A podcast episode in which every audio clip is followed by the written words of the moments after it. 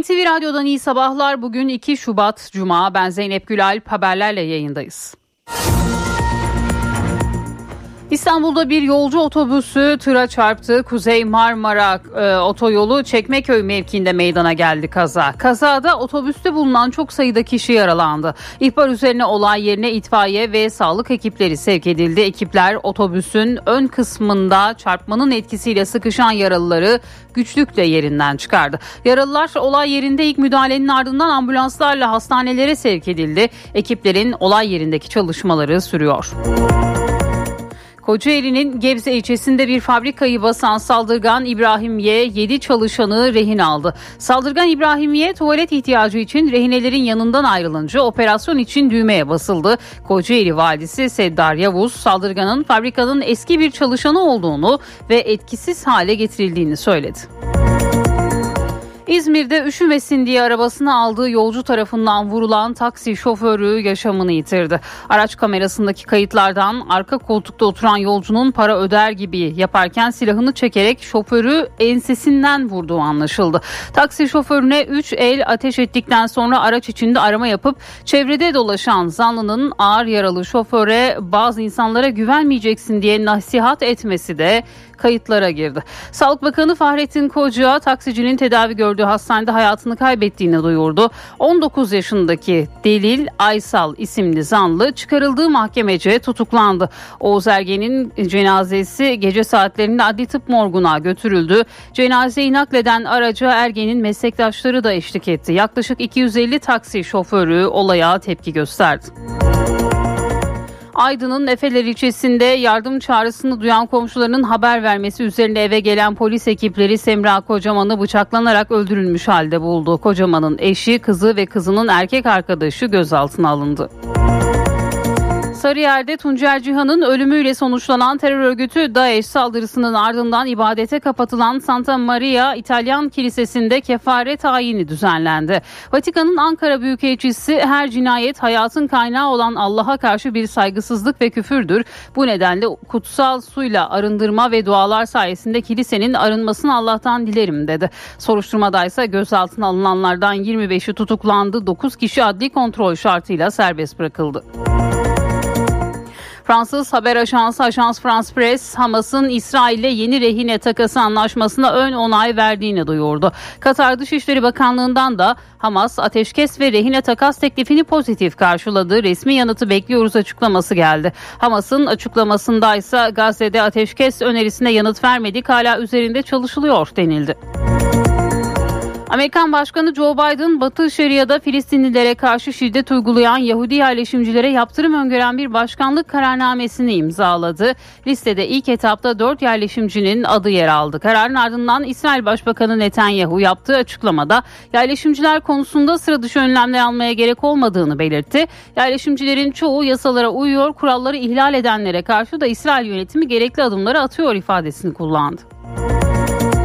Ölçme, Seçme ve Yerleştirme Merkezi Başkanlığı'nca 8-9 Haziran'da uygulanacak 2024 Yükseköğretim Kurumları sınavı başvuruları başladı. Sınav ücreti ise oturum başına %156 zamla 295 liraya yükseldi. Eğitim uzmanlarına göre bu durum nedeniyle başvuru sayısı düşebilir. Türkiye Ziraat Odaları Birliği Ocak ayı market araştırmasını yayımladı. Araştırmaya göre Ocak'ta marketteki 42 ürünün 29'unda fiyat arttı. Fiyatı en çok yükselen ürün yeşil fasulye oldu. Üretici ile market arasında fiyat farkı en yüksek ürünse portakal. Ve spor Galatasaray Trendyol Süper Lig'in 24. haftasında Yılport Samsun Spor'la karşılaşacak. Sarı Kırmızılarda 4 futbolcu müsabakada forma giyemeyecek.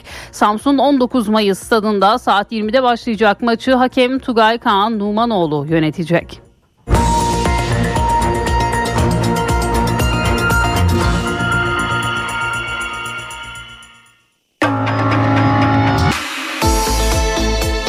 İşe giderken gazetelerin gündemi.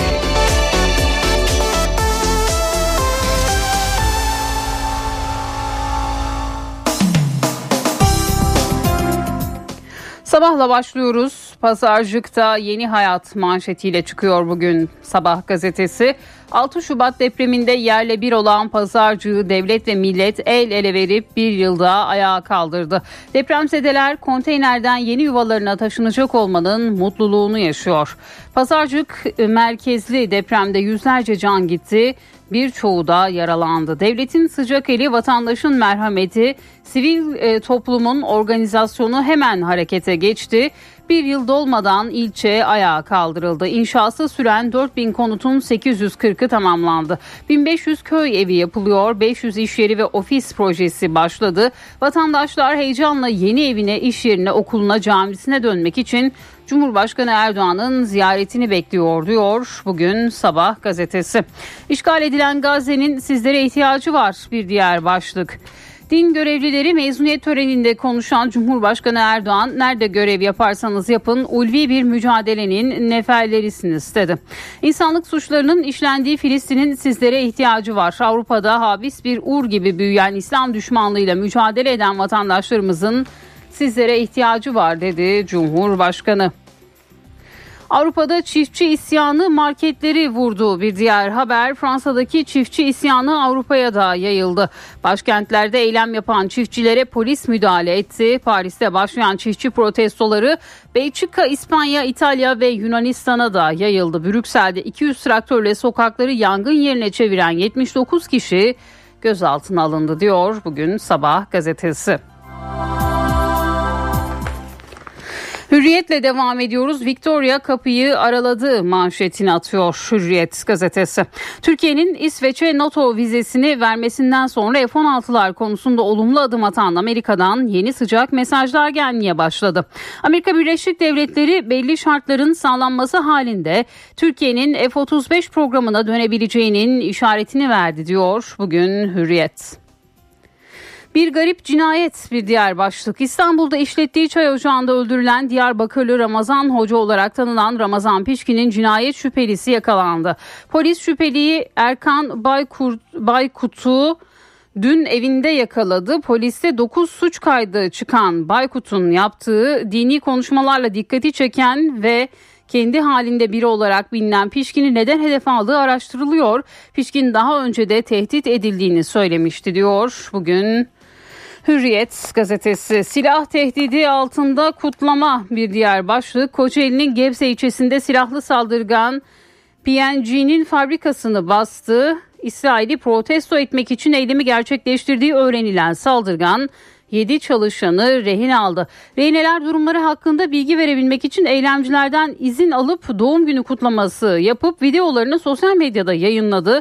Eylem 10 saat sonra bitti diyor bugün bu haberde yine Hürriyet'in ilk sayfasında yer buluyor. Cezaevi yerine hastaneye yine Hürriyet'ten bir diğer haber. Milli voleybolcu Hande Baladın'ı yüzüne asit atmakla tehdit eden Mustafa Neşeli'ye cezai sorumluluğu olmadığı gerekçesiyle ceza verilmedi. Toplam 8 yıl 9 ay hapis cezası istemiyle yargılanan Neşeli hakkında hastaneden verilen rapor dikkate alındı. Mahkeme toplum açısından tehlikesi ortadan kalkana kadar Neşeli'nin tedavi altına alınmasına hükmetti diyor bugün Hürriyet gazetesi. Milliyet'in manşetinde önce getto sonra hücre başlığını görüyoruz. İstanbul'da son yıllardaki terör saldırılarının arkasından gettolarda yuvalanan terör hücreleri çıkıyor. Bu bölgelerde yaşayanlar tedirgin. Sarıyer'de Santa Maria Kilisesi'ne iki DAEŞ'li terörist tarafından yapılan silahlı baskının arkasından Başakşehir Güvercintepe'de gettolaşan tacik hücresinin çıkması dikkatleri İstanbul'daki benzer bölgelere çevirdi. Mahallenin tacik bölgesi denilen bölümünün da, e, DAEŞ yatağı olduğu polis bültenlerine bile yansımış durumda. Bu durum bölge halkını tedirgin ediyor diyor Milliyet gazetesi manşetinden. CHP'de en kritik parti meclisi bir diğer başlık. CHP'de bugün önce MYK sonra parti meclisi aralar, e, aralarında Ankara'nın Çankaya ilçesi başta olmak üzere şu ana kadar açıklanmamış ve ön seçim kararı alınmamış yerlerin belediye başkan adaylarını belirlemek üzere toplanacak. Çankaya Belediye Başkan adayının Özgür Özel'e yakınlığıyla bilinen parti meclisi üyesi Hüseyin Can Güner olması bekleniyor deniliyor. Yine bu haberde Milliyet gazetesinin ilk sayfasında yer buluyor. Bir diğer başlık yine Milliyet'ten 45 yıldır aynı özlem. Uğradığı silahlı saldırı sonucu 45 yıl önce yaşamdan koparılan Milliyet Gazetesi Genel Yayın Yönetmeni Abdi İpekçi'yi Zincirlikuyu mezarlığındaki kabri başında düzenlenen törenle andık. Abdi İpekçi'nin kızı Nülket İpekçi İzzet törende suikastın perde arkasına aydınlatacak bir araştırma kurulunun oluşturulmasını isteyerek vahşi cinayetler hala dağ gibi karşımızda durmakta dedi. Yeni Şafak'ın manşetinde ilk deprem konutları teslim ediliyor başlığını görüyoruz. 6 Şubat depremlerinde evi yıkılan yüz binlerce vatandaş için konteynerden çıkıp kalıcı konutlara yerleşme heyecanı başladı. Yapımı tamamlanan ilk 41 bin konut ve 5 bin köy evi yarından itibaren hak sahiplerine teslim edilecek. Yine Yeni Şafak gazetesinin ilk sayfasından bir diğer başlık Filistinlileri canlı kalkan yaptı. İsrail Batı Şeria'daki baskınlarda gözaltına aldığı Filistinlileri canlı kalkan olarak kullanıyor. El Cezire'nin yayınladığı görüntülerde askerlerin Filistinlilerin ellerini kelepçeleyip gözlerini bağladıktan sonra kendi miğferlerini giydiği görülüyor. Askerler canlı e, kalkanlarla baskınlara devam ediyor diyor Yeni Şafak gazetesi bugün. Postayla devam ediyoruz. En acı tatil manşetini atıyor. Eren'le Betül lisede aynı sınıfta okuyan iki iyi arkadaştı. Okul dışında da birlikte vakit geçiriyorlardı. 17 yaşındaki Eren sömestr tatilinin ikinci gününde kalp krizinden yaşamını yitirdi. Eren'in cenazesine katılan Betül'e mezarlık çıkışı otomobil çarptı. Betül bir hafta ölüme direndi. Ama önceki gün son nefesini verdi diyor bugün Posta gazetesi. Bir canın bedeli 17 bin lira mı bir diğer başlık. Kütahya'da Haziran 2022'de otomobille öğretmen Emine Güder'e çarpıp ölümüne neden olan olay tarihinde 17 yaşındaki Ali Demirtaş 2 yıl 4 ay hapis cezasına çarptırıldı. Mahkeme hapis cezasını 17 bin lira idari paraya çevirirken bunun da 10 taksitle ödenebileceğine hükmetti. Mahkeme ayrıca Demirtaş'ın Güder ailesinin avukatına 29.800 lira ödemesini kararlaştırdı. Karara isyan eden baba Alaaddin Güder bir canın fiyatı 17 bin lira mı benim kızım bir avukat parası bile etmiyor dedi. Cumhuriyet Türkiye layıktır manşetiyle çıkıyor bugün. Cumhurbaşkanı Erdoğan şeriat, hilafet yönetimi isteyen tarikat ve cemaatleri savundu. Layık cumhuriyeti hedefe koydu. Erdoğan İslam'ın hayata dair kurallarının bütününü temsil eden şeriata düşmanlık, dinin kendisine husumettir dedi. Erdoğan kelimeyi tevhid bayrağı için suç duyurusu yapan barolara da tepki gösterdi diyor Cumhuriyet gazetesi. Hoca Büyükerşen bir diğer başlık CHP'de büyükşehir belediyelerinde görev yapan bürokratlarla genel başkan yardımcıları yerel yönetimler çalıştayında bir araya geldi. Eskişehir Büyükşehir Belediye Başkanı Yılmaz Büyükerşen Çalıştay'da genel koordinatör olarak yer aldı diyor ve bu haberde yine Cumhuriyet Gazetesi'nin ilk sayfasında yer buluyor. Şimdi bir araya gideceğiz sonrasında devam edeceğiz.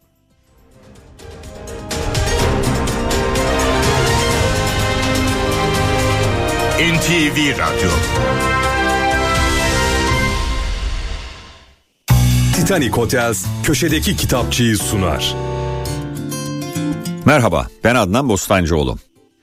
Onu bir dünya gezgini olarak tanımlarsak yanlış olmaz herhalde. John Freely'den söz ediyorum. Bir dönem Türkiye'de de yaşayan eğitimciden. Freely'nin Sürgün Sanatı isimli kitabı Alfa yayınlarından çıktı. Alt başlığı avare bir hayat olan kitabı dilimize Sibel Alaş çevirmiş. John Freely 1926 New York doğumlu. Daha 17 yaşındayken maceracı ve meydan okuyan kişiliği kendini gösterdi. Amerika Birleşik Devletleri Deniz Kuvvetlerine katıldı ve 2. Dünya Savaşı'nın son iki yılında Pasifik'te, Birmanya ve Çin'de komando olarak görev yaptı. Freely savaştan sonra eğitimine devam etti ve 1960 yılında New York Üniversitesi'nde fizik doktorasını tamamladı. İstanbul'a ilk olarak o yıl yani 1960 yılında sonradan Boğaziçi Üniversitesi'ne dönüşecek olan eski Robert Koleji Yüksek Okulu'nda hocalık yapmak üzere geldi. Okul Boğaziçi olduktan sonra da astronomi ve bilim tarihi dersleri verdi. İlk kitabı Hilary Sumner Boyd ile birlikte yazdıkları İstanbul'u dolaşırken 1972 yılında basıldı. John Freely'nin Türkçe'de yayınlanan kitaplarında hatırlatalım.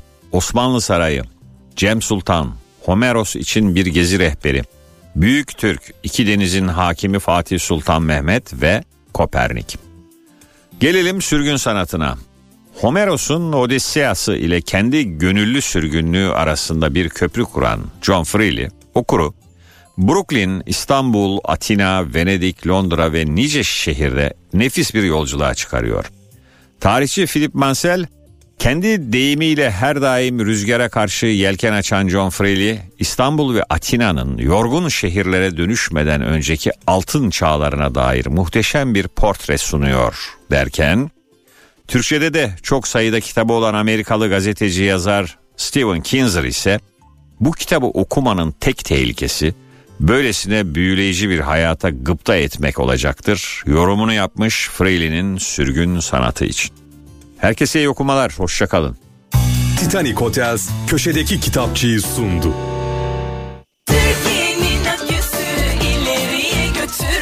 Yiğit Akü yol durumunu sunar.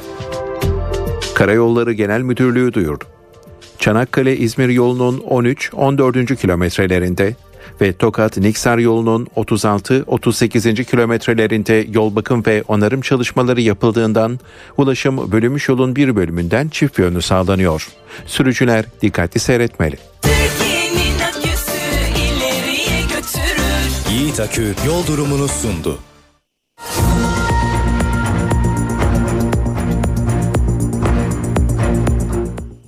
NTV Radyo'da haberleri aktarmayı sürdürüyoruz.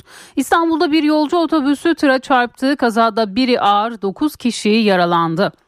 Kaza Kuzey Marmara Otoyolu Çekmeköy mevkiinde meydana geldi. Bir şehirler arası yolcu otobüsü kontrolden çıkarak önce yol kenarındaki bariyerlere ardından da önünde ilerleyen tıra çarptı. Tır çarpmanın etkisiyle ters döndü, yol trafiğe kapandı. İhbar üzerine olay yerine itfaiye ve sağlık ekipleri sevk edildi. Ekipler otobüsün ön kısmında çarpmanın etkisiyle sıkışan yaralıları güçlükle yerinden çıkardı.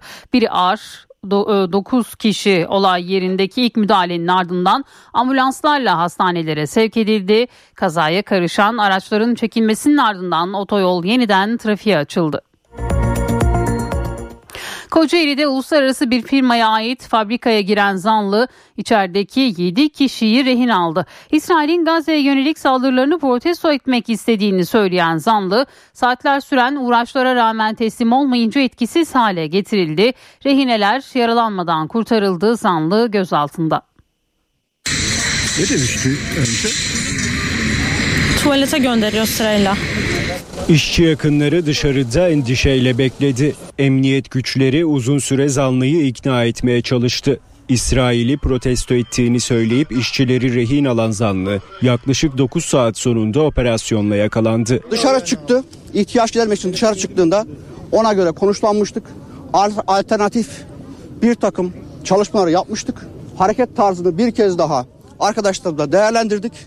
Kıymetli emniyet mensuplarımız, kahraman güvenlik güçlerimiz gerekli müdahaleyi yapmak suretiyle ve rehinlere herhangi bir zarar gelmeyeceğinde emin olduğumuz anda gerekeni yaptık arkadaşlar. Kocaeli'de uluslararası bir firmaya ait olan ve kişisel bakım ürünleri alanında faaliyet gösteren fabrikada işçiler mesaideydi.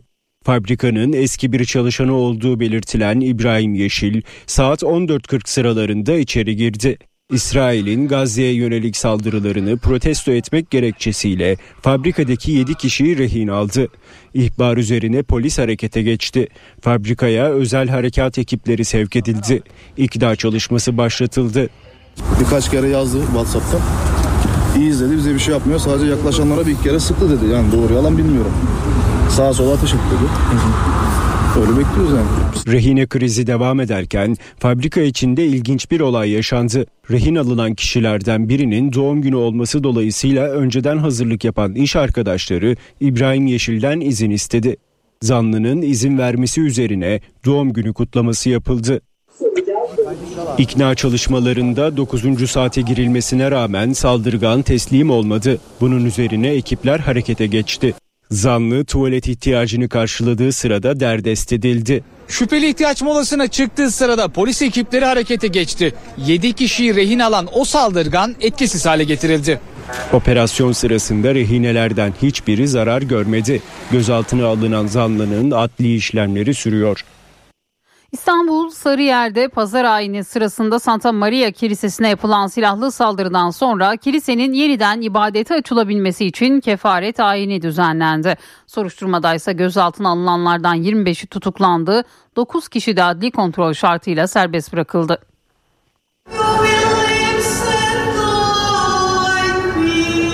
Santa Maria Kilisesi'nde cemaat ayin için bir araya geldi. Dualar okundu. Saldırının ardından kilisede ilk ayin gerçekleştiriliyor. Kefaret ayini tamamlandıktan sonra kilise yeniden ibadete açılmış olacak.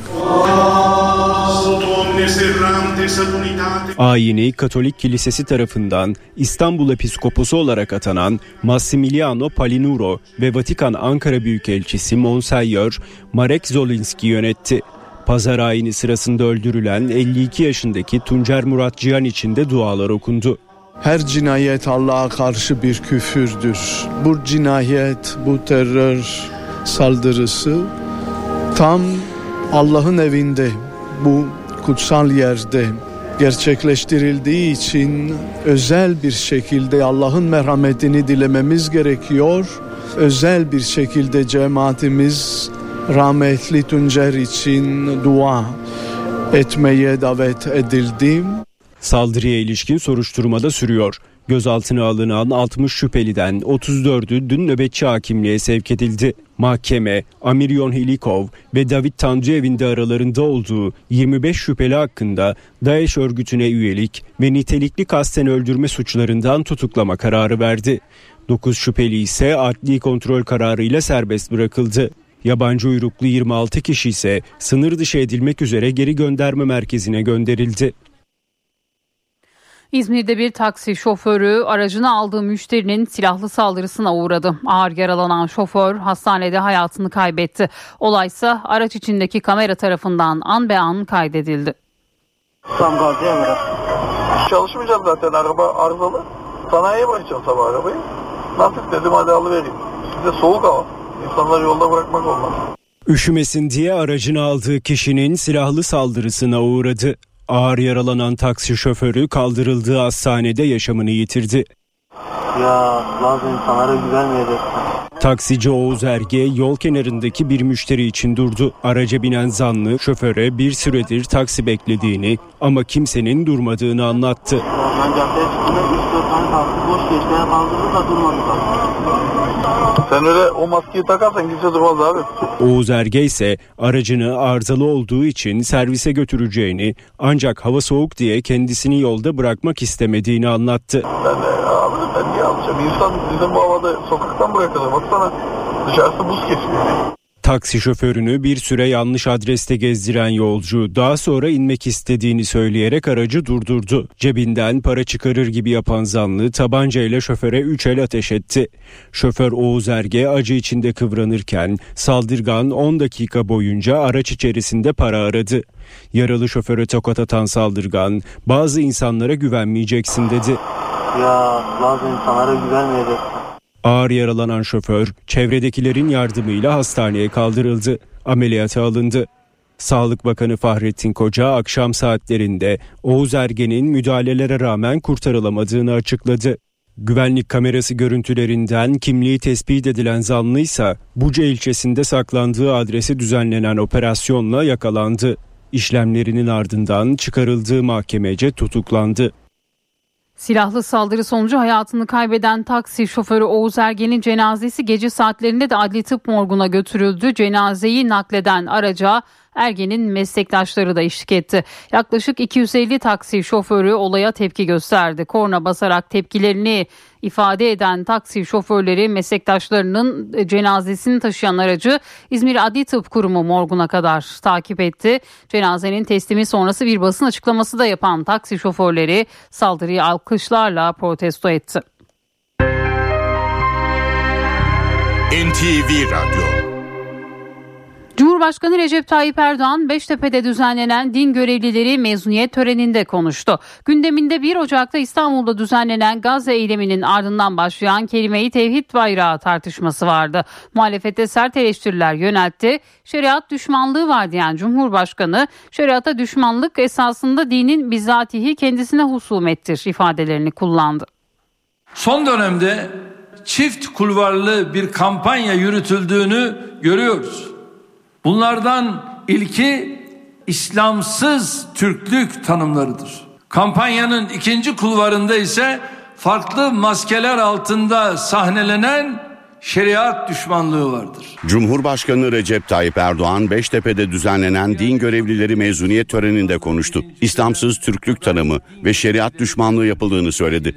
Gayeleri milletin mayasını bozmak, sarsamadıkları kaleyi içeriden çökertmek dedi. İslam'ın hayata dair kurallarının bütününü temsil eden şeriata düşmanlık esasında dininin bizatihi kendisine husumettir. Şeriata yönelik sergilenen pervasızlıkların temelinde cehalet ve bilgisizlik hastalığı vardır. Erdoğan hem CHP Genel Başkanı Özgür Özel'e hem de İstanbul'daki Gazze mitinginde kelimeyi tevhid bayrağı taşınması nedeniyle suç duyurusunda bulunan bazı barolara tepki gösterdi. İnanıp inanmamak elbette bir tercih meselesidir.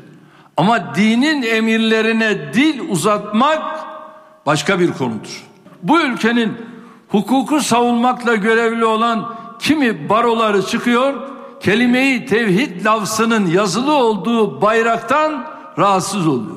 Bu ülkenin en büyük ikinci siyasi partisinin şu anki genel başkanı çocuklara din eğitimi verilmesine orta çağ zihniyeti deme gafleti gösterebiliyor. Erdoğan akademiden mezun olan din görevlilerine de seslendi.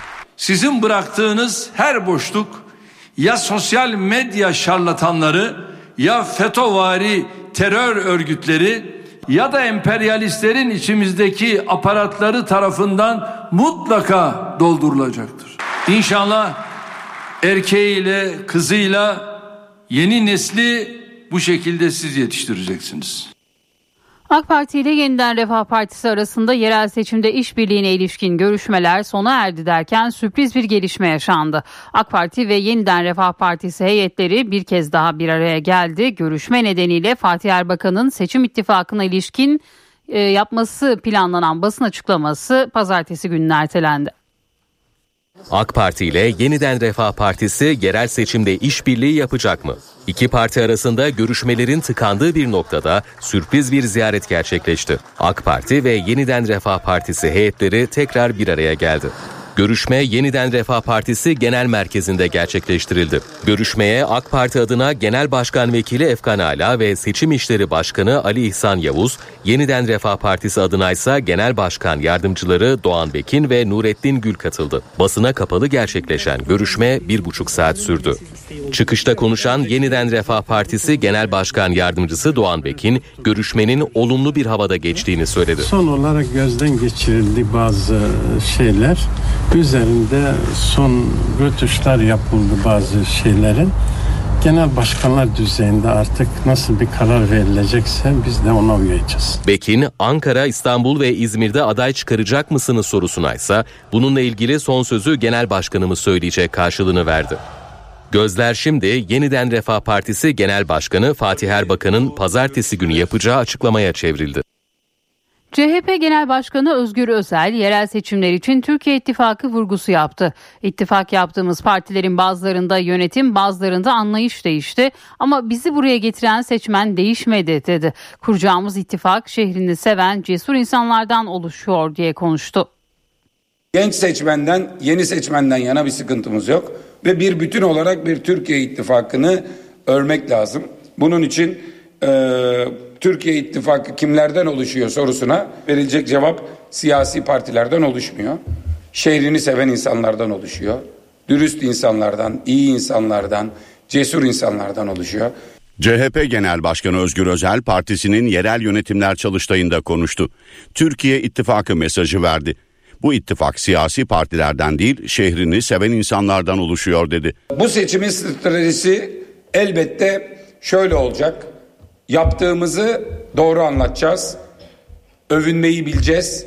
Umudu örgütleyeceğiz. Geçmişte örgütlediğimiz umudun nasıl başarıya dönüştüğünü anlatacağız. Bir gerçek var. Bu şehirleri bizlere kazandıranlar ve emanet edenler değişmedi. Bizi buraya getiren seçmen değişmedi. Yeni seçmen var. CHP'de aday belirleme süreci de devam ediyor. Şu ana kadar 900'e yakın aday açıklandı. Cuma günü yapılacak toplantıda İstanbul'un Kadıköy, Bakırköy, Adalar, Esenyurt ilçelerinin adaylarının netleştirilmesi bekleniyor. Ankara'da ise gözler Çankaya ilçesinde. Çankaya adayının önümüzdeki haftaya kalabileceği yorumları yapılıyor. İyi Parti ve CHP arasında afiş tartışması sürüyor. İyi Parti sözcüsü Kürşat Zorlu istedikleri cevapları hala alamadıklarını söyledi. CHP'ye eleştirilerini sürdürdü. Değerli arkadaşlar ne zaman görülmüş bir siyasi partinin propagandası, milletine sunduğu taahhütlerin bir belediye tarafından belirlenmek istenmesine. Bunun siyasal rekabetle, demokrasiyle hiçbir alakası yoktur bu tutumun. Bu bakımdan biz ilgili şirketten yazılı olarak da bize bu cevabı vermelerini istedik. Hala bir cevap yok. CHP ile İyi Parti arasında afiş gerginliği devam ediyor. İyi Parti'nin seçim afişlerinin CHP'li belediyeler tarafından engellendiği suçlamasına CHP Genel Başkanı Özgür Özel şaşırdım sorup öğreneceğim yanıtını vermişti. İyi Parti sözcüsü Kürşat Zorlu doğru yerden bilgi almaları gerekiyor dedi. Sayın İmamoğlu ve Sayın Özel bu konuda bir açıklama yaptılar. Yanlış hatırlamıyorsam ikisinin de açıklamasının üzerinden 24 saat geçti. Herhangi bir olumlu seyir, adım, girişim olmamıştır değerli arkadaşlar. Zannediyorum bilgiyi doğru yerden almıyorlar. Zorlu yerel seçimlere ilişkin partisinin hazırlıklarının da sürdüğünü söyledi. İyi Parti şu ana kadar 17 büyük şehir, 26 il, 265 ilçe ve 38 belde adayını açıkladı. Aday tespit çalışmalarının devam ettiği İyi Parti'de 11 Şubat pazar günü İstanbul adaylarının 24 Şubat cumartesi günü Ankara adaylarının tanıtımı yapılacak. Milliyetçi Hareket Partisi Adana'da 3 ilçe başkanlığını kapattı. Ayrıca Genel Başkan Danışmanı Hüseyin Sözlü görevden alındı. Açıklamayı MHP Genel Başkan Yardımcısı Semih Yalçın yaptı. Yalçın'ın verdiği bilgiye göre ilçe başkanlıklarının kapatılma nedeni yerel seçim çalışmaları sırasında parti disiplini ve politikalarına aykırı davranışlar sergilemeleri. Bu gerekçeyle Kara İsalı, Sayın Beyli ve Yumurtalık ilçe başkanlıkları kapatıldı. Görevden alınan siyasi ve yerel işlerden sorumlu Genel Başkan Başdanışmanı Hüseyin Sözlü tedbir olarak Merkez Disiplin Kurulu'na sevk edildi.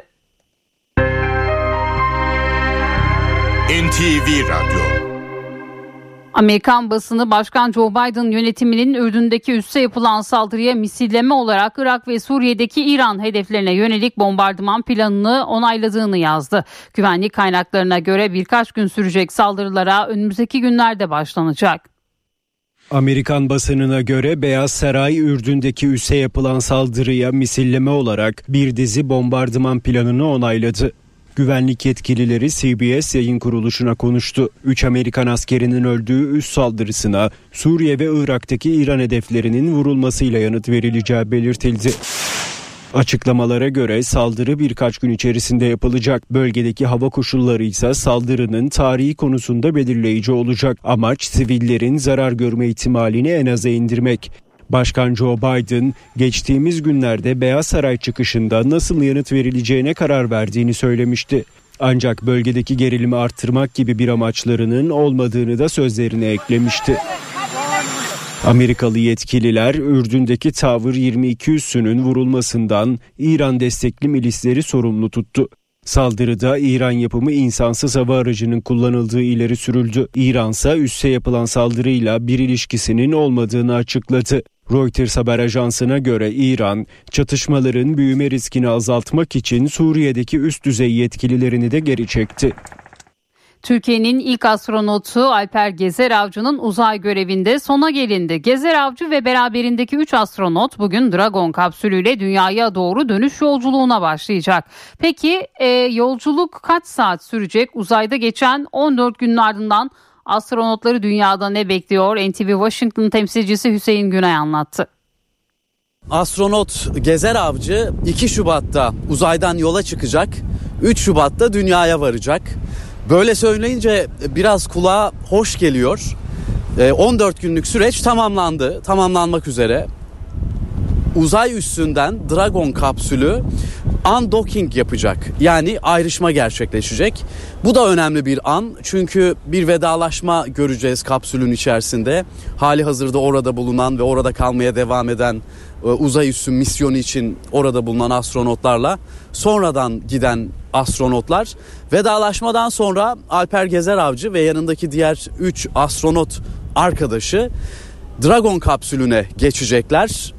Ayrışma yani undocking gerçekleşecek ve rotayı belirleyecekler. Dünya dünyaya gelmeye çalışacaklar. 24 ila 30 saat arasında bir e, zaman dilimi olacak. Yani az önce de söylediğim gibi uzaydan 2 Şubat'ta yola çıkıp 3 Şubat'ta dünyaya varacaklar. İki rota var. Bunlardan bir tanesi Texas, bir diğeri ise Florida. Ya kuma, çöle inecekler ya da suya inecekler. Tabii nereye inecekleri son 24 saatte netleşiyor. Orada e, hava koşulları, rüzgarın durumu, yakıt meselesi, atmosferdeki basınç bu tarz bütün teknik detaylar e, Dragon kapsülünün e, ro- lokasyonunu belirliyor. E, atmosferin altına indikten sonra çok bilimsel bir süreç başlıyor gerçekten. Yer çekimi kuvvetiyle birlikte yakıt birbirine karşılıklı mukavemet uygulayarak belirli bir hızda Dragon kapsülünün dünyaya ulaşabilmesini sağlayacak. Tabi e, astronotlar açısından da 14 gün boyunca yerçekimsiz ortamda bir tecrübe edinildi. Kaslar zayıfladı. E, daha önceki dünyaya dönüşleri izleyenler varsa kapsülden çıkan astronotların yürüyemediklerine, ayakta durmakta zorluk çektiklerine, e, yarı bilinç kaybı yaşadıklarına e, şahitlik etmişlerdir. Benzer şeyler yaşanabilir ancak bunlar tamamen normal.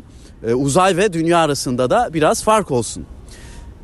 Geldikten sonra hemen Türkiye'ye gelemeyecek. Çünkü önce NASA merkezine gidecek. Sağlık kontrolünden geçecek. Müşahede altında tutulacak.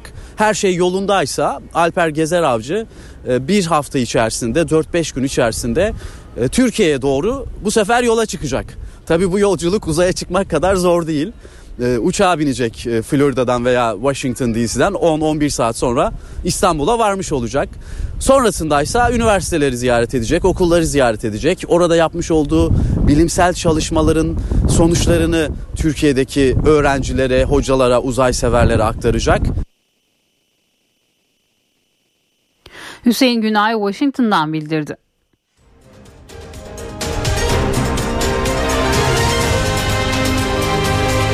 NTV Radyo HDI Sigorta İstanbul'un yol durumunu sunar. İstanbul'da trafikte yoğunluk haritası %38'i gösteriyor. 15 Temmuz Şehitler Köprüsü'ne giderken Anadolu'dan Avrupa'ya geçişte Acıbadem Beylerbeyi arasında sabah yoğunluğu var. Fatih Sultan Mehmet Köprüsü'ne giderken de Çamlıca Beylerbeyi arasında Çamlıca Kavacı e, affedersiniz. Fatih Sultan Mehmet Köprüsü'nden giderken de e, Kavacık'a doğru bir yoğunluk gözleniyor. Her iki köprüde de Anadolu'dan Avrupa'ya geçişte bir araç yoğunluğu gözleniyor. Avrasya Tüneli ise çift taraflı açık e, Avrasya Tüneli çift taraflı açık Avrupa yakasına gelindiğinde E5'te Avcılar Yeni Bosna arasında trafik var. Tem'de ise Bahçeşehir iki telli arasında sabah trafiği var. Yolda olanlara yolculuklar. HDI Sigorta İstanbul'un yol durumunu sundu. Alman teknolojisiyle üretilen Düfa Boya spor haberlerini sunar.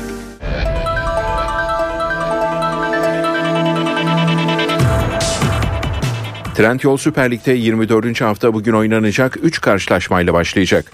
Şampiyonluk yolunda Fenerbahçe ile yarışan Galatasaray Yılport Samsun Spor'la deplasmanda karşılaşacak. Sarı Kırmızılarda 4 futbolcu müsabakada forma giyemeyecek. Galatasaray zirve takibini sürdürme peşinde. Sarı Kırmızılılar Trendyol Süper Lig'in 24. haftasında Yılport Samsun Spor'a konuk olacak. Averaj farkıyla Fenerbahçe'nin ardından ikinci sırada bulunan Okan Buruk'un öğrencileri Süper Lig'de 11 maçtır kaybetmiyor. Galatasaray ayrıca ligde son 4 maçını kazanarak yeni bir galibiyet serisi de yakaladı. Sarı Kırmızılılarda 4 eksik var. Sakatlıkları süren Abdülkerim ve Oliveira'nın yanı sıra milli takımdaki Ziyech ve Bakan bu forma giyemeyecek. Okan Buruk'un takımını Muslera, Kaan Nelson Sanchez Berkan, Torreira Kerem Demirbay, Barış Alper Mertens Kerem Aktürkoğlu ve Icardi 11 ile sahaya sürmesi bekleniyor. Sarı Kırmızılılarda Davinson Sanchez ve Kerem Aktürkoğlu sarı kart ceza sınırında. Samsun Spor'da ise iki futbolcu forma giyemeyecek. Afrika Uluslar Kupası'ndan dönen Nanu, Olivia Encham ve Kingsley Schindler yeniden kadroya alınırken hafif sakatlığı bulunan Fofana'nın durumu ise maç saatinde belli olacak. Sakatlığı bulunan Laura ise bu maçta kadroda yer alamayacak. Samsun 19 Mayıs stadında saat 20'de başlayacak maçı hakem Tugay Kaan Numanoğlu yönetecek. Öte yandan Galatasaray'da Saşa Boy'un ardından bir ayrılık daha kapıda. Cedric Bakambu İspanyol ekibi Real Betis'e transfer olmak üzere. Galatasaray transferden 5 milyon euro kazanacak. Anlaşmada bonuslar da bulunuyor. Bu sezon sarı kırmızılı formayı 16 kez sırtına geçiren Bakambu iki kez ağları sarstı. Beşiktaş'a pazar günkü Trabzonspor maçı öncesinde Semih Kılıçsoy'dan iyi haber geldi. Genç futbolcu takımla çalışmalara başladı. Semih'in Trendyol Süper Lig'in 24. haftasında pazar günü oynanacak Trabzonspor maçında sahada olması bekleniyor. Bu sezon 18 maçta görev alan Semih 6 gol 2 asistle takımına katkı yaptı. Trabzonspor'da kadro dışı bırakılan Abdülkadir Ömür resmen Hull City'de. Acun Ilıcalı'nın sahibi olduğu İngiliz kulübü milli futbolcuyu renklerine bağladı. Hull City bu transfer için Trabzonspor'a 2 milyon 500 bin euro bon servis bedeli ödeyecek. Çift maç haftasını Asfer galibiyetiyle açan Fenerbahçe Beko'nun sıradaki rakibi Monaco. Sarı lacivertliler Eurolig'in 25. haftasında deplasmanda sahaya çıkacak. Mücadele 22.30'da başlayacak. Zalgiris yenilgisi sonrası Erdem Can'la yollarını ayıran Anadolu Efes'e Olimpia Milano'yu konuk edecek. Saat 20.30'da başlayacak maçta lacivert beyaz ekipte takımın başında yardımcı antrenör Tomislav Mijatovic olacak. Formula 1'de son yılların en büyük transferi gerçekleşti. Lewis Hamilton Ferrari ile anlaştı. Ayrılığı önce Mercedes duyurdu. Kısa süre sonra Ferrari'den resmi açıklama geldi. Hamilton bu sezonun başında Ferrari'ye geçecek ve 2025 yılından itibaren kırmızı tulumu giyecek. Sözleşmenin süresi açıklanmadı ancak 39 yaşındaki efsanenin İtalyan ekibiyle bir yıldan fazla sözleşme imzaladığı ifade edildi. Alman teknolojisiyle üretilen zemin boyası Düfa Boya spor haberlerini sundu. Saat 8 Türkiye ve Dünya gündeminde bu saate kadar öne çıkan başlıklara bir haber turuyla bakalım. İstanbul'da bir yolcu otobüsü tıra çarptı. Kazada biri ağır, 9 kişi yaralandı. Kaza Kuzey Marmara Otoyolu Çekmeköy mevkiinde meydana geldi. Şehirler arası yolcu otobüsü kontrolden çıkarak önce yol kenarındaki bariyerlere ardından da önünde ilerleyen tıra çarptı. Biri ağır, 9 kişi yaralandı. Olay yerindeki ilk müdahalenin ardından yaralılar ambulanslarla hastanelere sevk edildi. Kocaeli'nin Gebze ilçesinde bir fabrikayı basan saldırgan İbrahim Y 7 çalışanı rehin aldı. Saldırgan İbrahim Y tuvalet ihtiyacı için rehinelerin yanından ayrılınca operasyon için düğmeye basıldı. Kocaeli valisi Seddar Yavuz saldırganın fabrikanın eski bir çalışanı olduğunu ve etkisiz hale getirildiğini söyledi. İzmir'de üşümesin diye arabasını aldığı yolcu tarafından vurulan taksi şoförü yaşamını yitirdi. Araç kamerasındaki kayıtlardan arka koltukta oturan yolcunun para öder gibi yaparak silahını çekip şoförü ensesinden vurduğu anlaşıldı. Taksi şoförüne 3 el ateş ettikten sonra araç içinde arama yapıp çevrede dolaşan zanlının ağır yaralı şoföre bazı insanlara güvenmeyeceksin diye nasihat etmesi de kayıtlara girdi. Sağlık Bakanı Fahrettin Koca taksicinin tedavi gördüğü hastanede hayatını kaybetti ettiğini duyurdu. 19 yaşındaki Delil Aysal isimli zanlı çıkarıldığı mahkemece tutuklandı. Oğuz Ergen'in cenazesi ise gece saatlerinde adli tıp morguna götürüldü. Cenazeyi nakleden aracı Ergen'in meslektaşları da eşlik etti. Yaklaşık 250 taksi şoförü olaya tepki gösterdi. Aydın'ın Efeler ilçesinde yardım çağrısını duyan komşularının haber vermesi üzerine eve gelen polis ekipleri Semra Kocaman'ı bıçaklanarak öldürülmüş halde buldu. Kocaman'ın eşi, kızı ve kızının erkek arkadaşı gözaltına alındı. Sarıyer'de Tuncer Cihan'ın ölümüyle sonuçlanan terör örgütü DAEŞ saldırısının ardından ibadete kapatılan Santa Maria İtalyan Kilisesi'nde kefaret ayini düzenlendi. Vatikan'ın Ankara Büyükelçisi her cinayet hayatın kaynağı olan Allah'a karşı bir saygısızlık ve küfürdür. Bu nedenle kutsal suyla arındırma ve dualar sayesinde kilisenin arınmasını Allah'tan dilerim dedi. Soruşturmada ise gözaltına alınanlardan 25'i tutuklandı. 9 kişi adli kontrol şartıyla serbest bırakıldı. Fransız haber ajansı Ajans France Press, Hamas'ın İsrail'e yeni rehine takası anlaşmasına ön onay verdiğini duyurdu. Katar Dışişleri Bakanlığı'ndan da Hamas ateşkes ve rehine takas teklifini pozitif karşıladı denildi. Hamas'ın açıklamasındaysa Gazze'de ateşkes önerisine yanıt vermedik hala üzerinde çalışılıyor denildi. Amerikan Başkanı Joe Biden ise Batı Şeria'da Filistinlilere karşı şiddet uygulayan Yahudi yerleşimcilere yaptırım öngören bir başkanlık kararnamesini imzaladı. Listede ilk etapta dört yerleşimcinin adı yer aldı.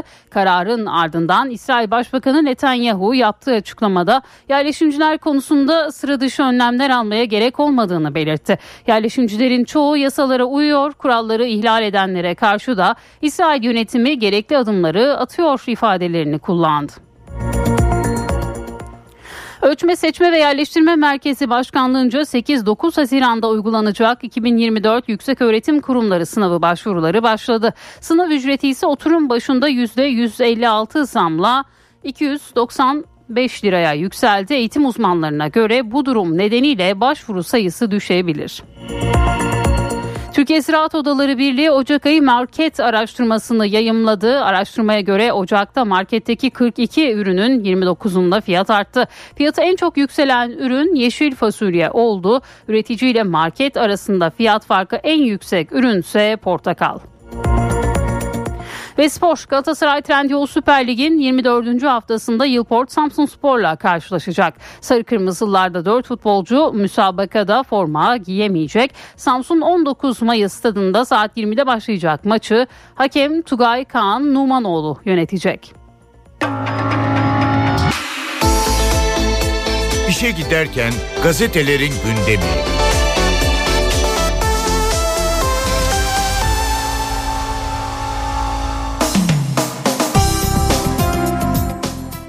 Sabahla başlıyoruz. Pazarcık'ta yeni hayat manşetini atıyor bugün Sabah gazetesi.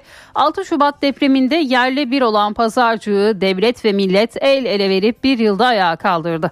Depremzedeler konteynerdan yeni yuvalarına taşınacak olmanın mutluluğunu yaşıyor diyor.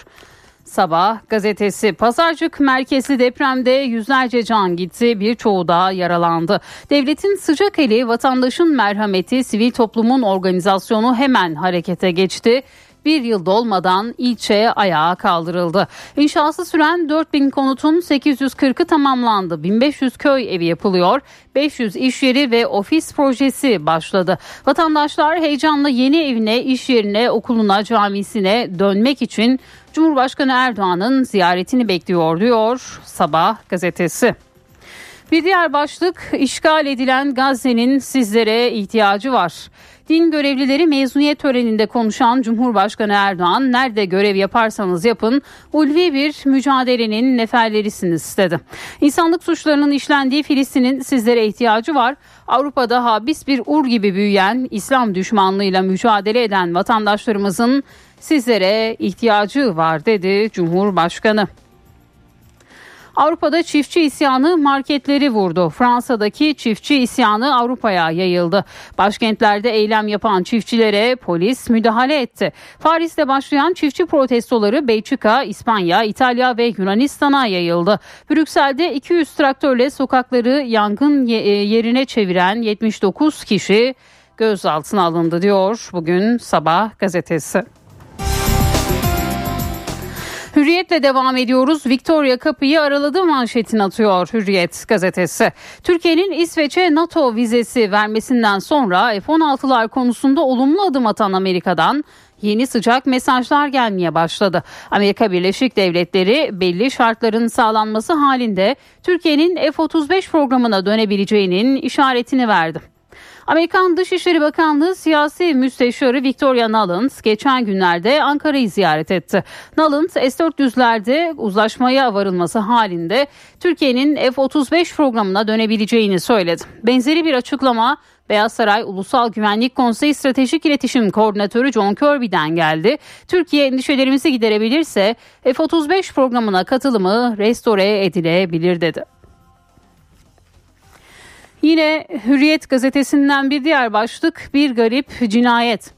İstanbul'da işlettiği çay ocağında öldürülen Diyarbakırlı Ramazan Hoca olarak tanınan Ramazan Pişkin'in cinayet şüphelisi yakalandı.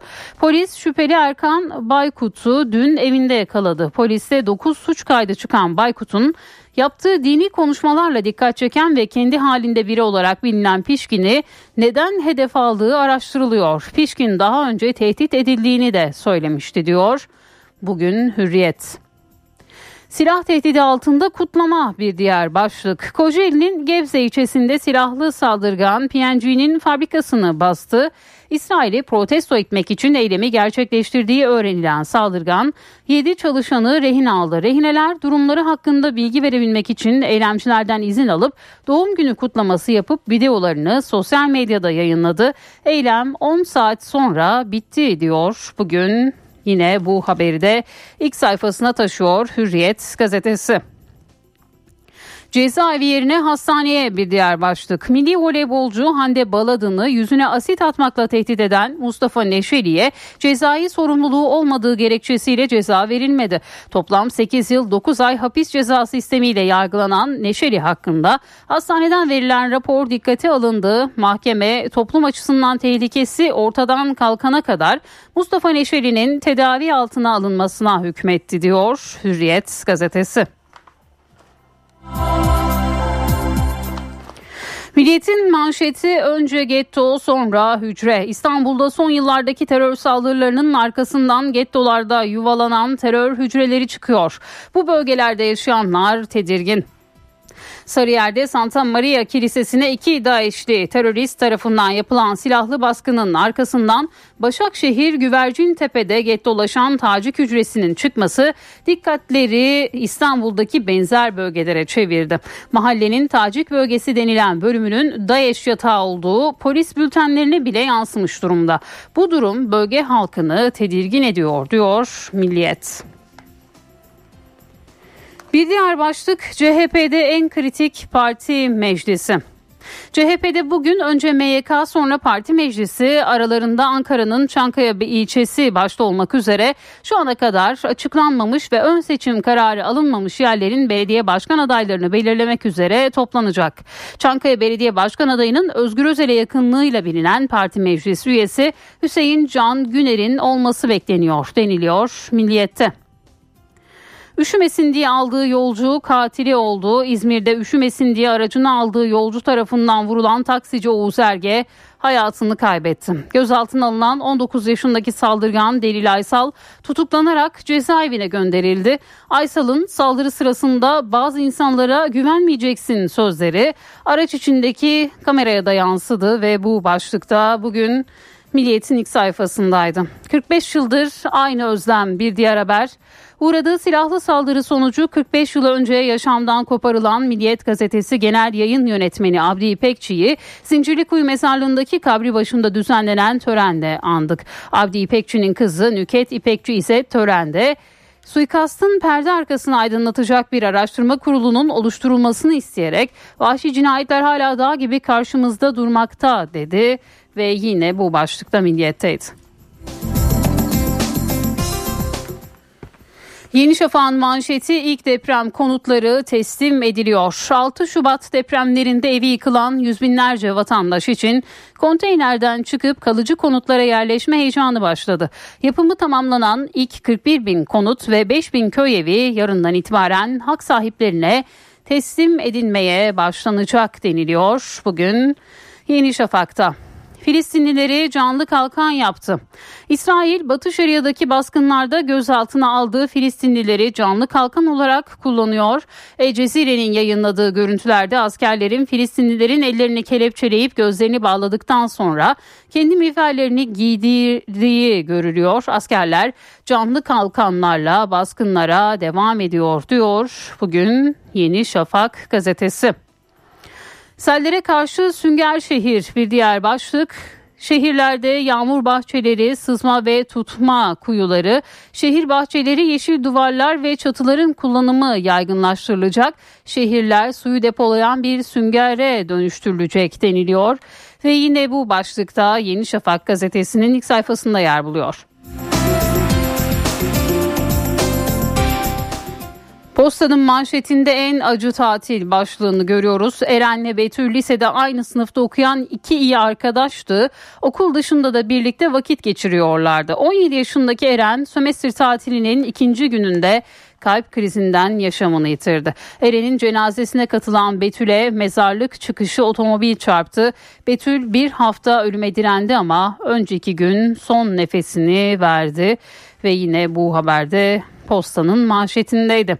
Bir canın bedeli 17 bin lira mı? Bir diğer haber yine postadan. Kütahya'da Haziran 2022'de otomobille öğretmen Emine Güder'e çarpıp ölümüne neden olan olay tarihinde 17 yaşındaki Ali Demirtaş 2 yıl 4 ay hapis cezasına çarptırıldı.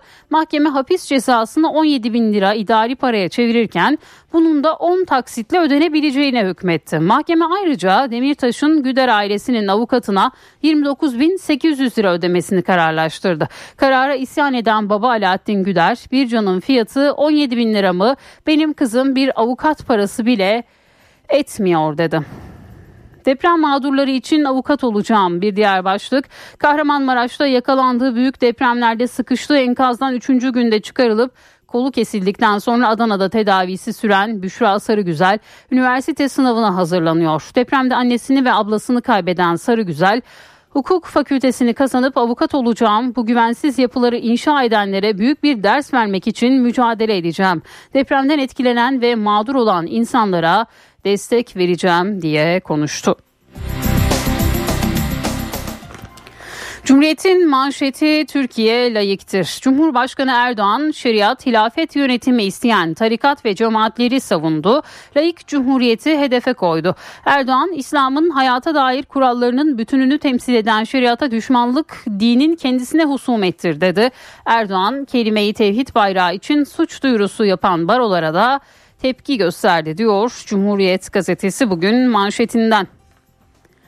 Bir diğer başlık yine Cumhuriyet'ten Hoca Büyükerşen CHP'de büyükşehir belediyelerinde görev yapan bürokratlarla genel başkan yardımcıları yerel yönetimler çalıştayında bir araya geldi.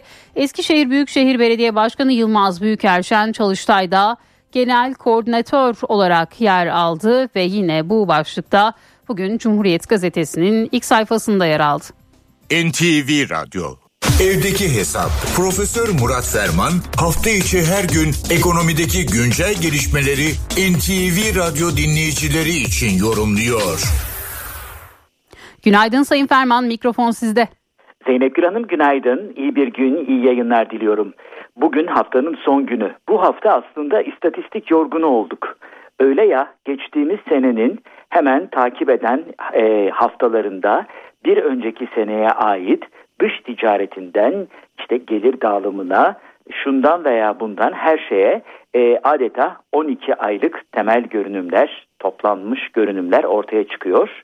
Bunların bir kısmına değindik bir kısmına yeri gelince değineceğiz ama şimdi e, bütün bunların hepsinin üzerinde yer alan ve e, hemen hafta başı açıklanacak olan e, Ocak ayı enflasyon rakamı e, radarımızda. Bu çerçevede tabii her ay olduğu gibi e, öncü göstergelere bakıyoruz. Öncü göstergeler arasında İstanbul Ticaret Odası İstanbul Ücretliler Geçinme Endeksi dün açıklandı. Buna göre 2024 Ocak ayında İstanbul'da perakende fiyat hareketlerinin göstergesi olan İstanbul Ücretliler Geçinme Endeksi bir önceki aya göre 6 nokta %6.72 arttı. Toptan e, fiyat hareketlerini yansıtan toptan eşya fiyatları indeksi ise yüzde 4.69 oranında arttı. Yıllık bazda geçinme endeksinde 76.17'lik toptan eşya fiyatları endeksinde ise %61.48'lik bir artış görüyoruz. Bu gerçekten e, yukarı yönlü bir artış. Neredeyse %80'lere varan onunla flört eden bir manşetle karşı karşıyayız. E, nitekim sağlık ve kişisel bakım harcamalarında ulaştırma ve haberleme haberleşme harcamalarında yüzde 21'i aşan oranda e, aylık artışlar olmuş. Bir başka önemli öncü gösterge e, çarşamba günü yayınlanan TÜİK tarafından kamuoyuyla paylaşılan hizmet üretici fiyat endeksi. Bu çerçevede hizmet üretici fiyat endeksi yıllık 81.18'e çıkmış. Yani 80'i çoktan aşmış. Aylıkta da 3.59'luk bir manşet görüyoruz. Biliyorsunuz hizmetler sektöründeki enflasyon katılığını bir türlü kıramıyoruz. Nitekim e, takip edilen 12 sektör yıllık e, hizmet üretici fiyat endeksinin altında ama 15 sektörde yıllık e, hizmet üretici fiyat endeksinin üstünde çıkmış. Bu önemli bir unsur. Bir başka önemli dinamik gıda fiyatları. Gıda fiyatlarıyla da ilgili olarak biliyorsunuz e, Türkiye Ziraat Odaları Birliği'nin e, bir yerde e, artık norm haline gelmiş e, market fiyatı tarla fiyatı karşılaştırmasına bakıyoruz. E, buna göre Ocak ayında markette 42 ürünün 29'unda fiyat artışı 13'ünde ise fiyat azalışı görülmüş. E, fiyatı en çok artan yeşil fasulye bunu salatalık, ıspanak ve pırasa takip ediyor. Esas baktığımız mesele e, portakalda fiyat farkı e, 4 misli. Mandalina'da gene 4 misli. Limonda 2 e, e, e, limonda özür dilerim e, 4 misli. Kuru soğan e, Türk mutfağı için çok önemli. Neredeyse iki buçuk katı olarak görülüyor. E, üretici ve market arasındaki fiyat farkı en fazla portakalda görülüyor. Yani ez cümle bu cephede de herhangi bir değişiklik veya salahat yok. Bunu da açıkça görüyoruz. Esasen e, Ocak ayı içerisinde e, hakikaten yüksek oranda bir e, artış olacağına dair beklentiler eskiden beri vardı. Neden eskiden beri vardı? Çünkü e, hatırlanacağı üzere geçtiğimiz yıldan bu yana bir enflasyon stoku devreder, enflasyon sarkması. Oradan gelen sarkmanın üzerine e, iki noktadan hareket edildi. Bir kere bu ay dolardaki artış neredeyse ortalama 3,5 civarında, %3,5 civarında. E, Merkez Bankası'nda yöneticilik de yapan değerli meslektaşımız Profesör Hakan Kara'nın e, dolardaki artış e, kur geçişkenliğiyle enflasyonu nasıl etkiler e, serimleri e, takip ettiğimiz bilinen bir e, e, durumdur. Bir e, vaziyet ediştir. E, şimdi değerli dostumuz diyor ki eskiden %10 artışta e, bir buçukluk bir e, fark vardı. Şimdi bu yüzde beşe çıktı. Yani gerçekten kur geçişkenliği de hızlandı. Bu da olumlu bir durum değil. E, demek ki aslında e, gelen zamlar özellikle doğalgaz benzin zamları yeni yılla beraber biliyorsunuz her şeyin tekrar fiyatının ayarlanması e, ortaya çıkıyor. Tabii e, son olarak şunu da söyleyelim belki hani bu böyle bir endeks yok ama e, madem ki yüksek öğrenim e, sektöründeyiz e, 2024 yüksek öğrenim sınavına geçiş başvuru ücretleri de belli oldu. Her oturum için ücret 115 liradan 295 liraya çıkarıldı. Yani geçen seneye göre zam yüzde 156. Bu da YKS endeksi. Şimdi insan bütün bunları görünce pazartesiyi bekliyor. Ondan sonra ne olacak onu da göreceğiz. Ama e, bundan tam 43 yıl önce geçen pazar günü kaybettiğimiz Özdemir Asaf'ın e, dizeleriyle isterseniz tamamlayalım. E, şair diyor ki yaşamak değil beni bu telaş öldürecek. Bir başka dizesi sen bana bakma ben senin baktığın yönde olurum bu tür romantik e, dizelerin e, aklımıza enflasyonu getireceğini herhalde 40 yıl düşünsek aklımıza gelmezdi ama evet bizi bu enflasyon hakikaten sıkıntıya sokuyor ve nereye baksak karşımızda enflasyonu görüyoruz. Bu genel bilgi paylaşımı ve ufuk turu çerçevesinde değerli dinleyenlerimize katma değeri yüksek ve yüksek katma değerli bir gün ve esenliklerle dolu bir hafta sonu diliyor. Huzurlarınızdan hürmetlerle ayrılıyorum. Profesör Murat Ferman'la evdeki hesap sona erdi. Kaçırdığınız bölümleri www.ntvradio.com.tr adresinden dinleyebilirsiniz. Dünya markası Bras çatı sistemleri finans bültenini sunar. Borsa İstanbul Yüz Endeksi 8646 seviyelerinde dolar 30.45 euro 33.15'ten işlem görüyor. Euro dolar paritesi 1.08 altının onzu 2055 dolar kapalı çarşıda gram altın 2012 çeyrek altın 3413 liradan satılıyor. Brent petrolün varil fiyatı ise 79 dolar. Dünya markası Bras çatı sistemleri finans bültenini sundu. NTV Radyo Benzersiz duvarlar artık hayal değil. Sandeko Boya hava durumunu sunar. Soğuk hava devam ediyor. Önümüzdeki hafta ise sıcaklık belirgin derecede yükselecek. Bugün İstanbul bulutlanıyor. Öğleden sonra kısa süre yağmur var. Sıcaklık 10 derece. Ankara'da ayaz sürüyor. Sıcaklık öğle 6 gece 0 derece. İzmir güneşli 14, Bursa bulutlu 10, Antalya güneşli 19 derece. Hafta sonu da önemli bir yağış beklenmiyor. Eşsiz boya, eşsiz mekanlar. Sandeko boya hava durumunu sundu. Araç takipte liderlerin tercihi Mobiliz risk haritasını sunar. Kış şartları yurdun doğu kesimlerinde ve İç Anadolu'da yaşamı olumsuz etkiliyor. O nedenle gece ve sabah saatlerinde yollarda sis ve buzlanmaya karşı sürücüler yavaş ve dikkatli seyretmeli. Ayrıca Doğu Anadolu'da Ağrı Van Hakkari boyunca çığ tehlikesi sürüyor. Tedbirli olunmalı. Araç takipte liderlerin tercihi Mobiliz risk haritasını sundu. Doğa takvimi. Bugün 2 Şubat 2024 Cuma. NTV Radyo iyi günler diler. Sabah erken kalkanlar gün doğmadan Venüs'ü gözleyebilir. Doğu ufkundaki en parlak cisim Venüs ve kolayca gözlenebilir durumda. Meraklısı için haber verelim. Venüs 7-8 Şubat'ta son hilal evresindeki Ay'la 22 Şubat'ta ise sabaha karşı Doğu ufkunda Mars'la çok yakın bir konumda olacak. Ayın ikinci haftasından itibaren güneşe yaklaşacak olsa da çıplak gözle bile gözlemeye uygun olacak. Ay sonunda da güneşten sadece bir saat önce doğacak. Astrofotoğrafçıları heyecanlandıran gök olayları takviminden notları aktardık. Göğe bakmak için fırsat yaratın. Doğa takvimi.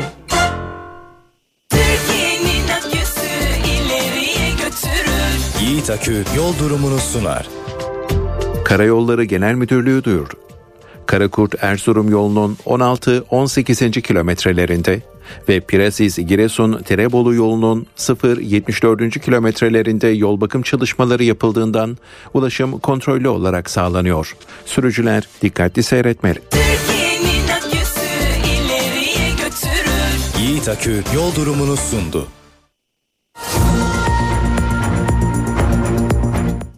NTV Radyo'da haberleri aktarmayı sürdürüyoruz. Kocaeli'de uluslararası bir firmaya ait fabrikaya giren zanlı içerideki 7 kişiyi rehin aldı. İsrail'in Gazze'ye yönelik saldırılarını protesto etmek istediğini söyleyen zanlı saatler süren uğraşlara rağmen teslim olmayınca etkisiz hale getirildi.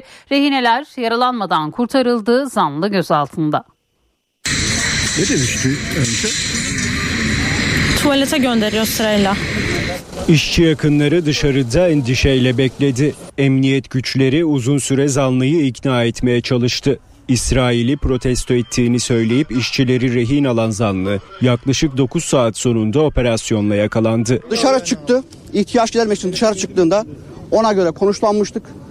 Alternatif bir takım çalışmaları yapmıştık. Hareket tarzını bir kez daha arkadaşlarımızla değerlendirdik.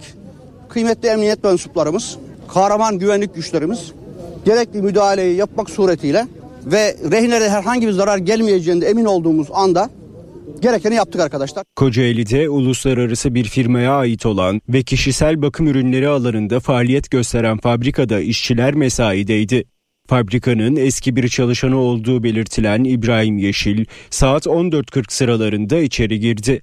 İsrail'in Gazze'ye yönelik saldırılarını protesto etmek gerekçesiyle fabrikadaki 7 kişiyi rehin aldı.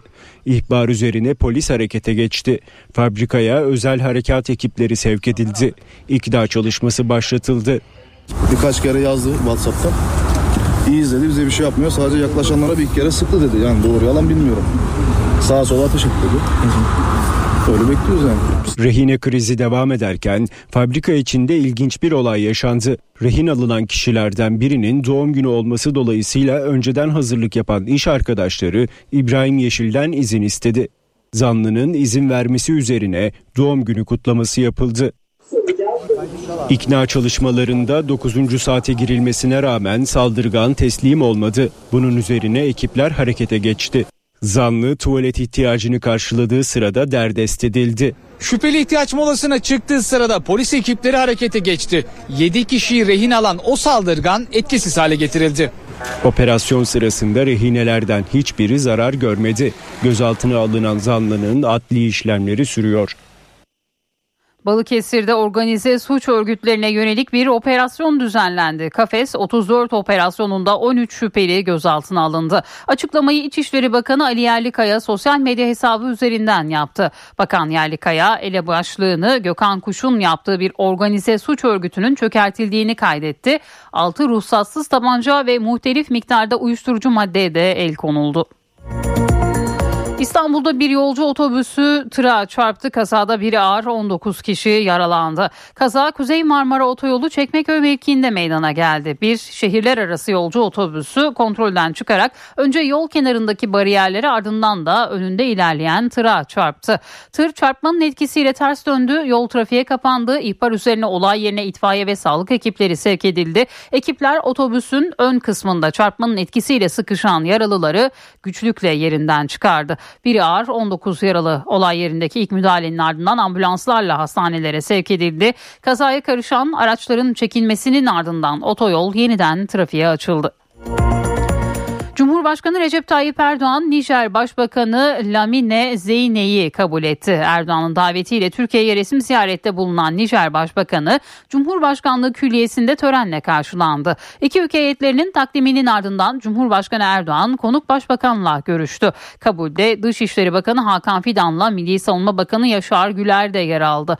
Basına kapalı görüşmede iki ülke arasındaki siyasi ve ekonomik ilişkiler, terörle mücadele, bölgesel ve küresel konular ele alındı.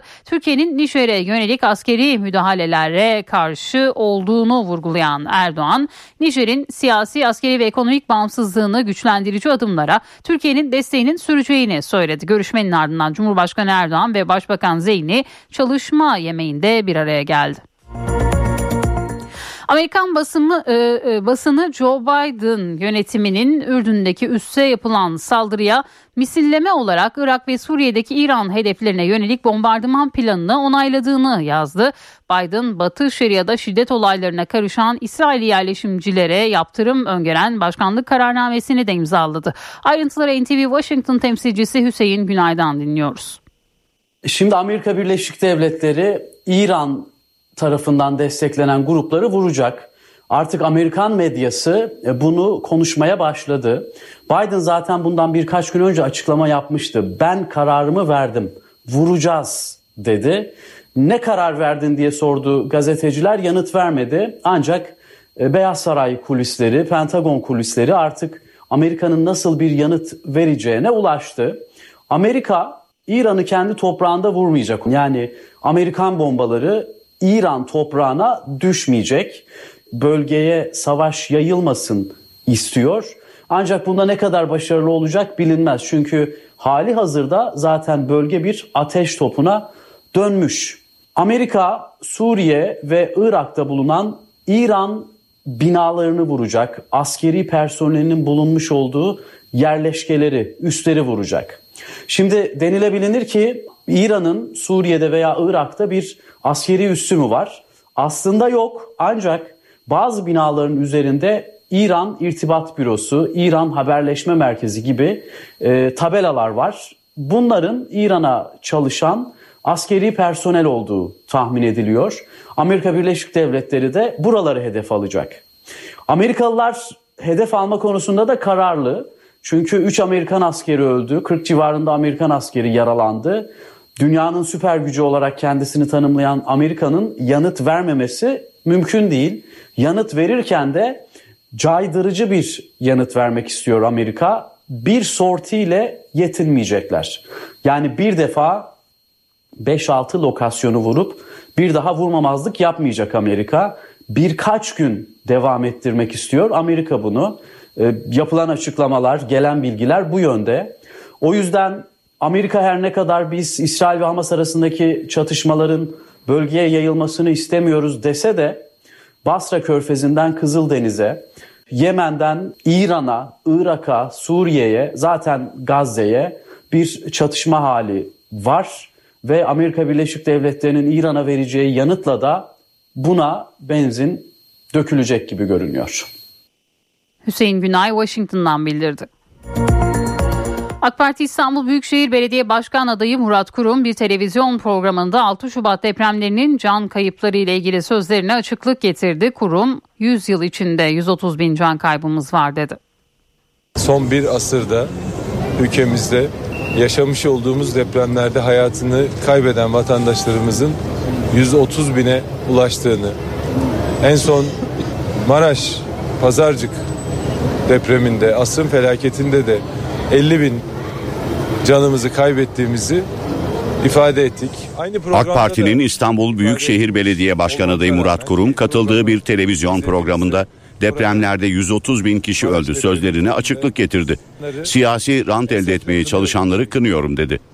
Bu yakışmıyor arkadaşlar. Ya biz doğruları milletimize söylemek zorundayız. Siyaseti insanımıza, ülkemize yakışır bir şekilde yapmak zorundayız. Güngören'de kadın buluşması programına katılan kurum gazetecilerin Kanal İstanbul sorusunu yanıtladı. Kanal İstanbul projesi İstanbul'a bir ihanettir söylemiyle yine aynı senaryoları kurup gündemi İstanbul olmayanların yapmış olduğu oyunlardır, siyasi senaryolardır. Biz bu senaryoların farkındayız. İstanbul Büyükşehir Belediyesi'ni eleştiren Murat Kurum hiçbir sorunu gündemlerine almıyorlar dedi. İzmir'de aracında uğradığı silahlı saldırı sonucu hayatını kaybeden taksi şoförü Oğuz Ergen'in cenazesi gece saatlerinde adli tıp morguna götürüldü. Cenazeyi nakleden araca Ergen'in meslektaşları da eşlik etti. Yaklaşık 250 taksi şoförü olaya tepki de gösterdi. Korna basarak e, morga kadar takip ettiler ve cenazenin teslimi sonrası bir basın açıklaması yaptılar. Saldırıyı alkışlarla protesto ettiler. Bursa'daki Gürsu Cüneyt Yıldız Devlet Hastanesi'nin başhekim yardımcısı Doktor Kamuran Çatalkaya sokakta silahlı saldırıya uğradı. Bacağından yaralanan Çatalkaya'nın sağlık durumu iyi kısa sürede içinde yakalanan saldırgansa tutuklandı. Yükseköğretim kurumları sınavı başvuruları başladı. Sınav ücreti ise oturum başında %156 zamla 295 liraya yükseldi. Eğitim uzmanlarına göre bu durum nedeniyle başvuru sayısı düşebilir. 8-9 Haziran'da yapılacak üniversite sınavına başvurular başladı. Yeni ücretler açıklandı. Sınav ücretlerinde geçen seneye oranla %156 artış var. Maksimum bir tane sınavın en fazla 150 lira falan olması lazım. Geçen seneki gibi 115 TL kalabilirdi. Hani bu kadar zamın gelmesine bence gerek yoktu. Ön lisans programları için zorunlu olan temel yeterlilik testine girecek öğrenciler 295 lira ücret ödeyecek. 4 yıllık lisans programlarına kaydolmak isteyen öğrenciler için temel yeterlilik ve alan yeterlilik testleri için toplam 590 lira ödeyecek. Yabancı dil testine de girmek isteyenler içinse 3 oturumun toplam ücreti 885 liraya yükseldi. TYT, AYT, YDS sınavlarına gireceğim. Şu andan bile biriktirmeye başladım ben şu anda kendi sınav ücretimi çıkartmaya. İki sınav için 590 lira çok fazla bence. Geçen sene 3,5 milyondan fazla aday üniversite sınavına girmek için başvuru yapmış, yeni rekor kırılmıştı. Uzmanlara göre sınav ücretlerinin yüksek olması bazı adayların sınava girme oranını da etkileyecek. Esas etkileyecek kitle daha çok üniversitede okuyan veya üniversiteyi bitiren kitledeki o geçen seneki 440 binlik artışı bu sene görmeyebiliriz. Tekrar eski rakamlarına düşebilir yani tekrar gerileyebilir. Bu da e, rekor başvurunun olmayacağı bir yıl gerçeğiyle karşı karşıya kalacağımızı bize gösterebilir. İlkokula başlama yaşının 60 aya düştüğü 2012'de ilkokula başlayan öğrenciler bu sene 12. sınıftan mezun olacak. Bu nedenle sınava başvuracak 12. sınıf öğrencilerinin sayısının yaklaşık 300 bin fazla olması bekleniyor. YKS başvuruları 26 Şubat'ta sona erecek. Kredi faizlerindeki artış geçen yıl vatandaşı kart kullanımına yöneltti. Kredi kartı harcamaları geçen yıl 2,5 katına çıktı. En yüksek artış %238 de Hakkari'de yaşandı. Kredi kartı harcamaları 2,5 katına çıktı. Merkez Bankası Kasım ayından bu yana kredi kartlarına uygulanan faizi sabit tutuyor. Politika faizi %45'e çıkarken kredi kartı faizi yıllık %35 olarak uygulanıyor. Vatandaş da kredi kullanımını azalttı, kredi kartına yöneldi. Fintürk verilerine göre kredi kartı harcamaları %57,2 arttı. Kredi kartı harcamalarının en fazla arttığı il %238 ile Hakkari. Onu %221 ile Şanlıurfa ve Diyarbakır, %203 ile Kilis ve %201 ile Siirt takip ediyor. Üç büyük şehirde bireysel kredi kartı harcaması artışı İstanbul'da %146, Ankara'da %165, İzmir'de %156 oldu. Kredi kartı ve kredili mevduat hesaplarının toplam bireysel krediler içindeki payı 2022'de %33 seviyesindeydi. Geçen yıl bu oran %50'yi aştı. Kredili mevduat hesaplarındaki artış da bunu destekledi. Toplam kredili mevduat harcaması geçen yıl 166 milyar liraya çıktı. %155 artış gösterdi. Türkiye Ziraat Odaları Birliği Ocak ayı market araştırmasını yayımladı. Araştırmaya göre Ocak'ta marketteki 42 ürünün 29'unda fiyat arttı. Markette fiyatı en çok yükselen ürün yeşil fasulye olarak belirlendi. Üretici ile market arasında fiyat farkı en yüksek olan ürünse portakal. Her markete geldiğimizde farklı bir fiyatla karşılaşıyoruz. E, bugün aldığınızda diyelim 5 liraya alıyorsunuz yarın 10 lira oluyor veya 7,5 lira oluyor. En fazla taze fasulyenin fiyatı arttı. Tarlayla raflar arasındaki makas açıldıkça açıldı. Aracılar çok para kazanıyor. Felaket para kazanıyor. Burada en fazla ezilen tüketiciyle üretici. Türkiye Ziraat Odaları Birliği Ocak ayını baz alarak üreticiyle market fiyatlarını kıyasladı. Verilere göre geçtiğimiz ay markette 42 ürünün 29'unda fiyat artışı 13'ünde de düşüş görüldü. Fahiş fiyat çok. Fırsatçılık çok diz boyu. Marketlerde birbirlerine yarışıyorlar.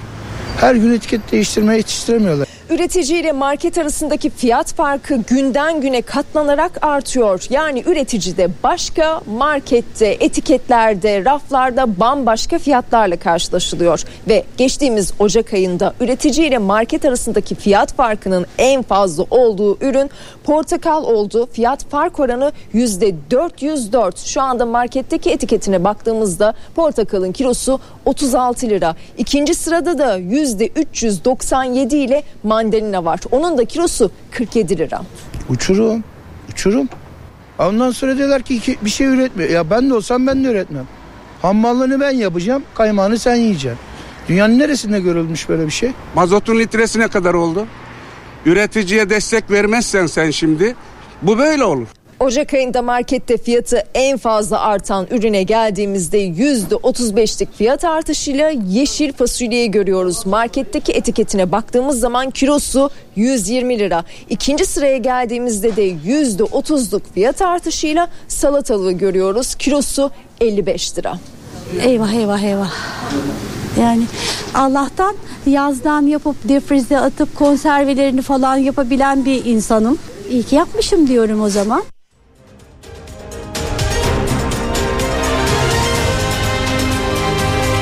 NTV Radyo HDI Sigorta İstanbul'un yol durumunu sunar. İstanbul'da trafikte yoğunluk haritası %44'ü gösteriyor. 15 Temmuz Şehitler Köprüsü'ne giderken Anadolu'dan Avrupa'ya geçişte Çamlıca Beylerbeyi arasında sabah yoğunluğu var. Fatih Sultan Mehmet Köprüsü'ne giderken de Elmalı Kavacık arası yoğun. Her iki köprüde de Anadolu'dan Avrupa'ya geçişte sabah trafiği gözleniyor. Avrasya Tüneli ise çift taraflı açık. Avrupa yakasına gelindiğinde E5'te Avcılar Cevizli Bağ arasında trafik var. Tem'de ise Bahçeşehir iki telli arasında sabah trafiği var. Yolda olanlara iyi yolculuklar. HDI Sigorta İstanbul'un yol durumunu sundu. Sigorta